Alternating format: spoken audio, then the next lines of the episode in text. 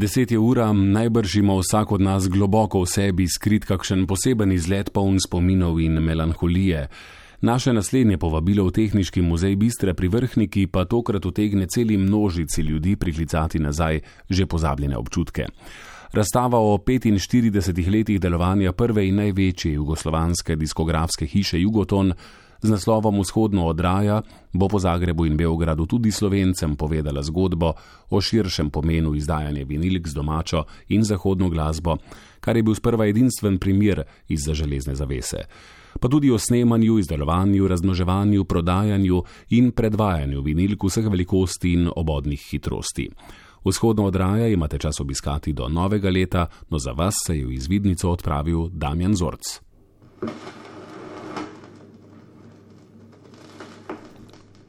Le nekaj let manj kot Nova Jugoslavija je obstajal Jugoton, ki je leta 1947 nastal po nacionaliziranju dediščine podjetij Edison, Bell, Penkala in Elektroton. V prvem letu so izdelali zgolj 30 tisoč malih plošč, do leta 1963, ko je stekla proizvodnja v novem tovarniškem kompleksu na Zagrebski Dubravi, pa smo začeli govoriti o milijonskih količinah. Zanimivo, da sem nekje prebral, da je prav jugoton temeljna ikona jugonostalgikov, zato sem s še večjim zanosom poslušal podatke o pomembni navezavi slovenske glasbe in jugotona. V prvem desetletju so namreč pretežno narodno zabavni slovenski ansambli prodajali takšne naklade, da je denar ostajal še za druge, manj komercialno uspešne glasbene projekte. Sem moramo šteti tako beneške fante, kot predvsem slaka in avsenike. Slednji takrat še sploh niso bili ansambl bratov Avsenik, ampak so nastopali še kot kvintet.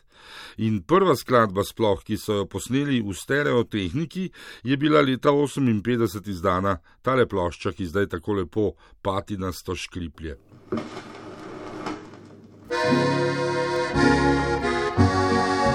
škriplje. kjer murke cvetu, tam, kjer ptički pojejo, lepi dragi. Tam, kjer encijan plave spreširno bahal, nežno vabi. Ne, nikar ne menjajte radijskega kanala, tole je še vedno Val 202, ki vas vabi v Tehnički muzej Bistra na razstavo o Jugotonu. Pri slednjem so orali ledino tudi kar zadeva celostno podobo podjetja na marketinškem področju. Tako so si kmalo omislili maskoto v podobi simpatične ptice, ki se je boste spomnili po znanem pospeševalniku prodaje. Saj se spomnite, ne? Leta dolgo so se kresala mnenja, katere vrste je ta ptič. V mojem otroštvu smo ga zaradi risanke o detlju na gajivčku še najraje primerjali z njim. Kaj je to detelj? Ja, pa je, je to detelj. Ja, ja. Čeprav eh, na prvi pogled mogoče deluje kot nekakšen križanec med raco in detlom. Ne. Sva se takoj pogovorila s kustosinjo Irino Marušič, ki pa mi je obenem priskrbela dopustniško telefonsko številko prave avtorice razstave Sanje Bahrah Krištofič, ki je skupaj z možem Marijom Krištofičem oblikovala večinski del razstave. Za žalno gre. In ko so v zgodnjih 60-ih prišle licenčne izdaje z Zahoda, ki so še posebej navduševale hermetično zaprte vzhodnjake iz Varšavskega pakta, se je rdeča ptička animirala v promotorko raznoraznih glasbenih žanrov.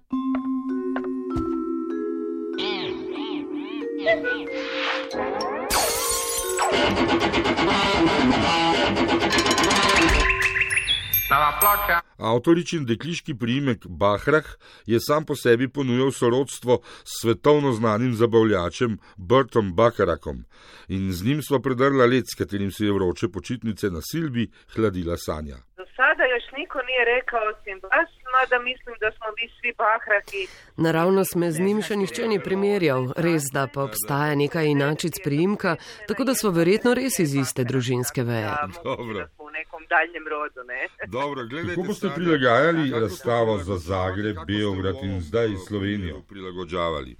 Izložba je e, prvi puta osvanula u Tehničkom muzeju u Zagrebu i zapravo je napravljen opći okvir izložbe. E, kasnije je putovala u Beograd, u Muzej nauke i tehnike u Beogradu i zapravo smo je e, sadržajem malo prilagodili mjestu na kojem je Izvorna razstava je nastala v Tehničkem muzeju v Zagrebu in od tam tudi njen okvir. V Beograjskem muzeju znanosti in tehnike je bila že prilagojena dejstvu, da je bilo po Srbiji nekoč mnogo jugotonovih prodajaln, pa smo povdarili arhitekturo prodajaln. V Sloveniji pa slovenske izdaje. Potem pa so pomagale še kustosinje iz Bistre in smo dodali audio predvajalnike različnih slovenskih tvrtk dodali jedan odabir um, audio materijala na kojima se reproducira glazba, a zapravo su uh, proizvod tadašnjih slovenskih proizvođača poput Iskre, znači gramofon i radioaparat, slovenske proizvodnje. Kot dolgoletna oblikovalca ovitkov jugotonovih plošč sta skupaj z možem Marjom, tedaj v socialistični jugi, verjetno pogostoma naletela na cenzuro. Nije bila velika cenzura, mislim općenito, kao prvo u tim prvim ranim danima, nakon što je krenula recimo otvaranje prema zapadu, ne, Jugoslavije, vrlo brzo su se krenuli, budući da je u tom trenu i tehnologija tiska Ni bilo ne vem kakšne cenzure, sploh ker smo sledili svetovnemu napredku tiska, barne fotografije. Opatija je bila kot kopija San Rema, na ovitkih riva, pa nekaj šminkerskih vil, avtomobilov in palm. Nič ni dišalo po socialistični državi. Potem so v spredje naslovnic prišle zvezde kot Marjana Držaj, naprimer, z obveznim fotografskim portretom.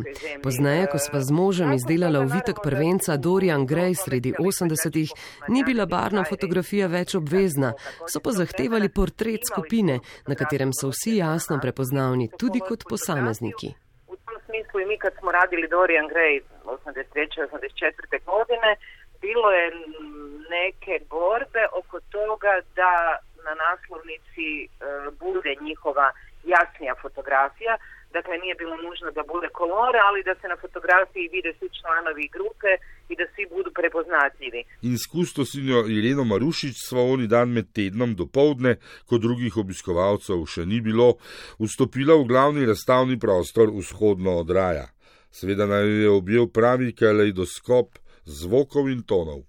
Predvsej živahno je tole, kot slišimo, verjetno tudi naša publika sliši, da uh, iz vseh strani so kakšni zvoki, uh, zaplešajo kakšni obiskovalci tudi.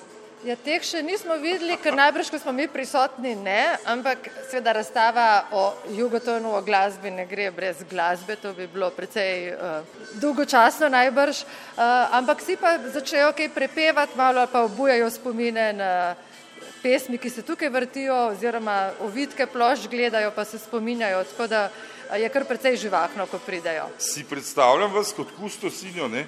imate tudi druge razstave, ne? po katerih vodite obiskovalce. Vem recimo za Luno, da tudi vodite, tam vam verjetno prav dosti ne morejo povedati. Tule pa oni morda obiskovalci več govorijo kot vi po, o spominih, o melanholiji. Ja, to je ena izmed tistih razstav, uh, ki vzbujajo v človeku neka čustva, spomine, kar nas seveda zelo veseli. Uh, včasih je brezpredmetno, pravzaprav mogoče, kaj je na razstavi napisano ali pa kaj je razstavljeno, ker ljudje, ko nekaj vidijo, se jim zavrti njihov film, film. bom rekel. Ja. Na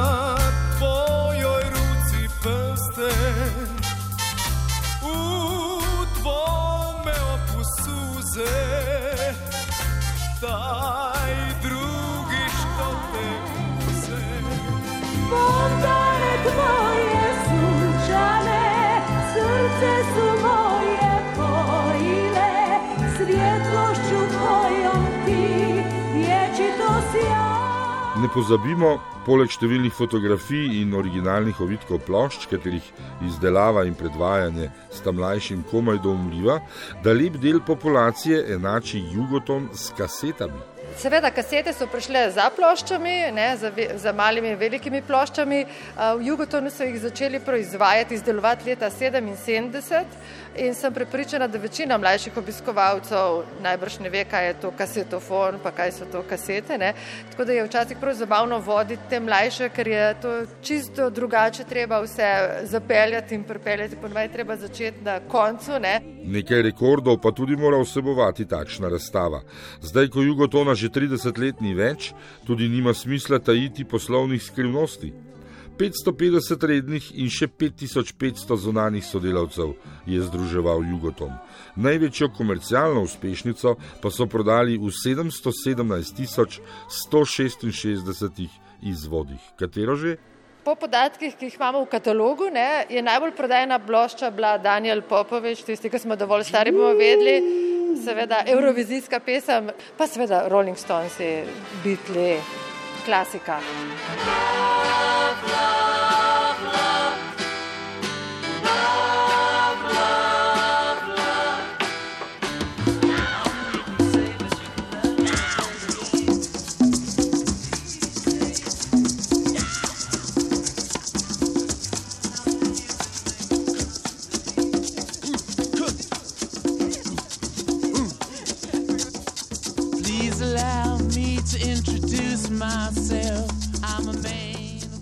Srečo sva s kustosinjo Ireno Marušič le odkrila tudi družinico in to takšno prototipno družinico obiskovalcev.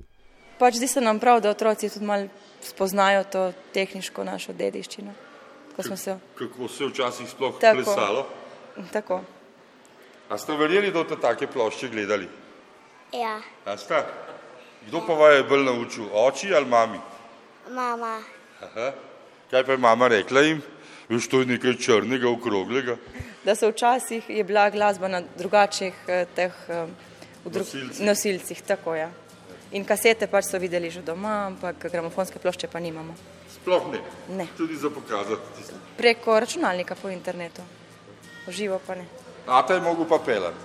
Peljati malo, da pogledajo, da malo vidijo pač te starejše tehnike, ne si bo za glasbo, ne si bo za karkoli drugega tukaj. Ampak malo filmce pa tudi v avtu? Absolutno, absolutno, seveda.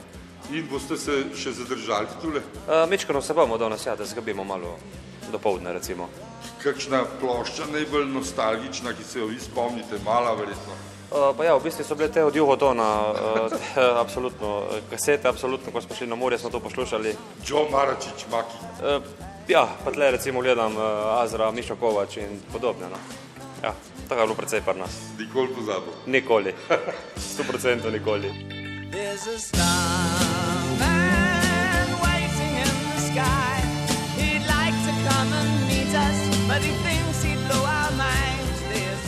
Za konec še dodatna slišna zanimivost, ki si jo lahko sami privoščite, še bolj pa bodo navdušeni mlajši obiskovalci nekaj, kar zanesljivo izginja v tančicah pozabe. Kmalo bomo namreč ostali brez delujočih javnih telefonskih govorilnic, tudi tistih najnovejših v obliki stenskih školk. V bistri si lahko že na samem glavnem vhodu še vedno snamete slušalko in prisluhnite, kam ste sploh prišli. Tako le nekako gre. Se pravi, dvignem pa enkrat, pa Pa enkrat. Tehniški muzej Slovenije.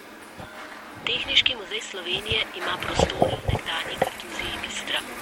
V idiličnem okolju s parkom in ribnikom, kjer ostanki malega križnega hodnika še vedno pričajo o zapuščini kartuzijanov. V nekaj dodatnih minutah boste tako poleg multimedijske zgodovine Jugotona na hitro spoznali še slišno zgodovino Bistre in Tehniškega muzeja Slovenije. Kdo ve, morda bo pa to tisti vaš izlet, ki bo trajal za zmeraj kot tista gramofonska plošča, ki se na koncu nikakor ni hotela izklopiti. Stara plošča, stara plošča, stara plošča, stara plošča, stara plošča, stara plošča. Ja, hvala, Damjan Zorc. To pa je vabilo, kot se šika v bistro, torej do konca leta si lahko ogledate razstavo.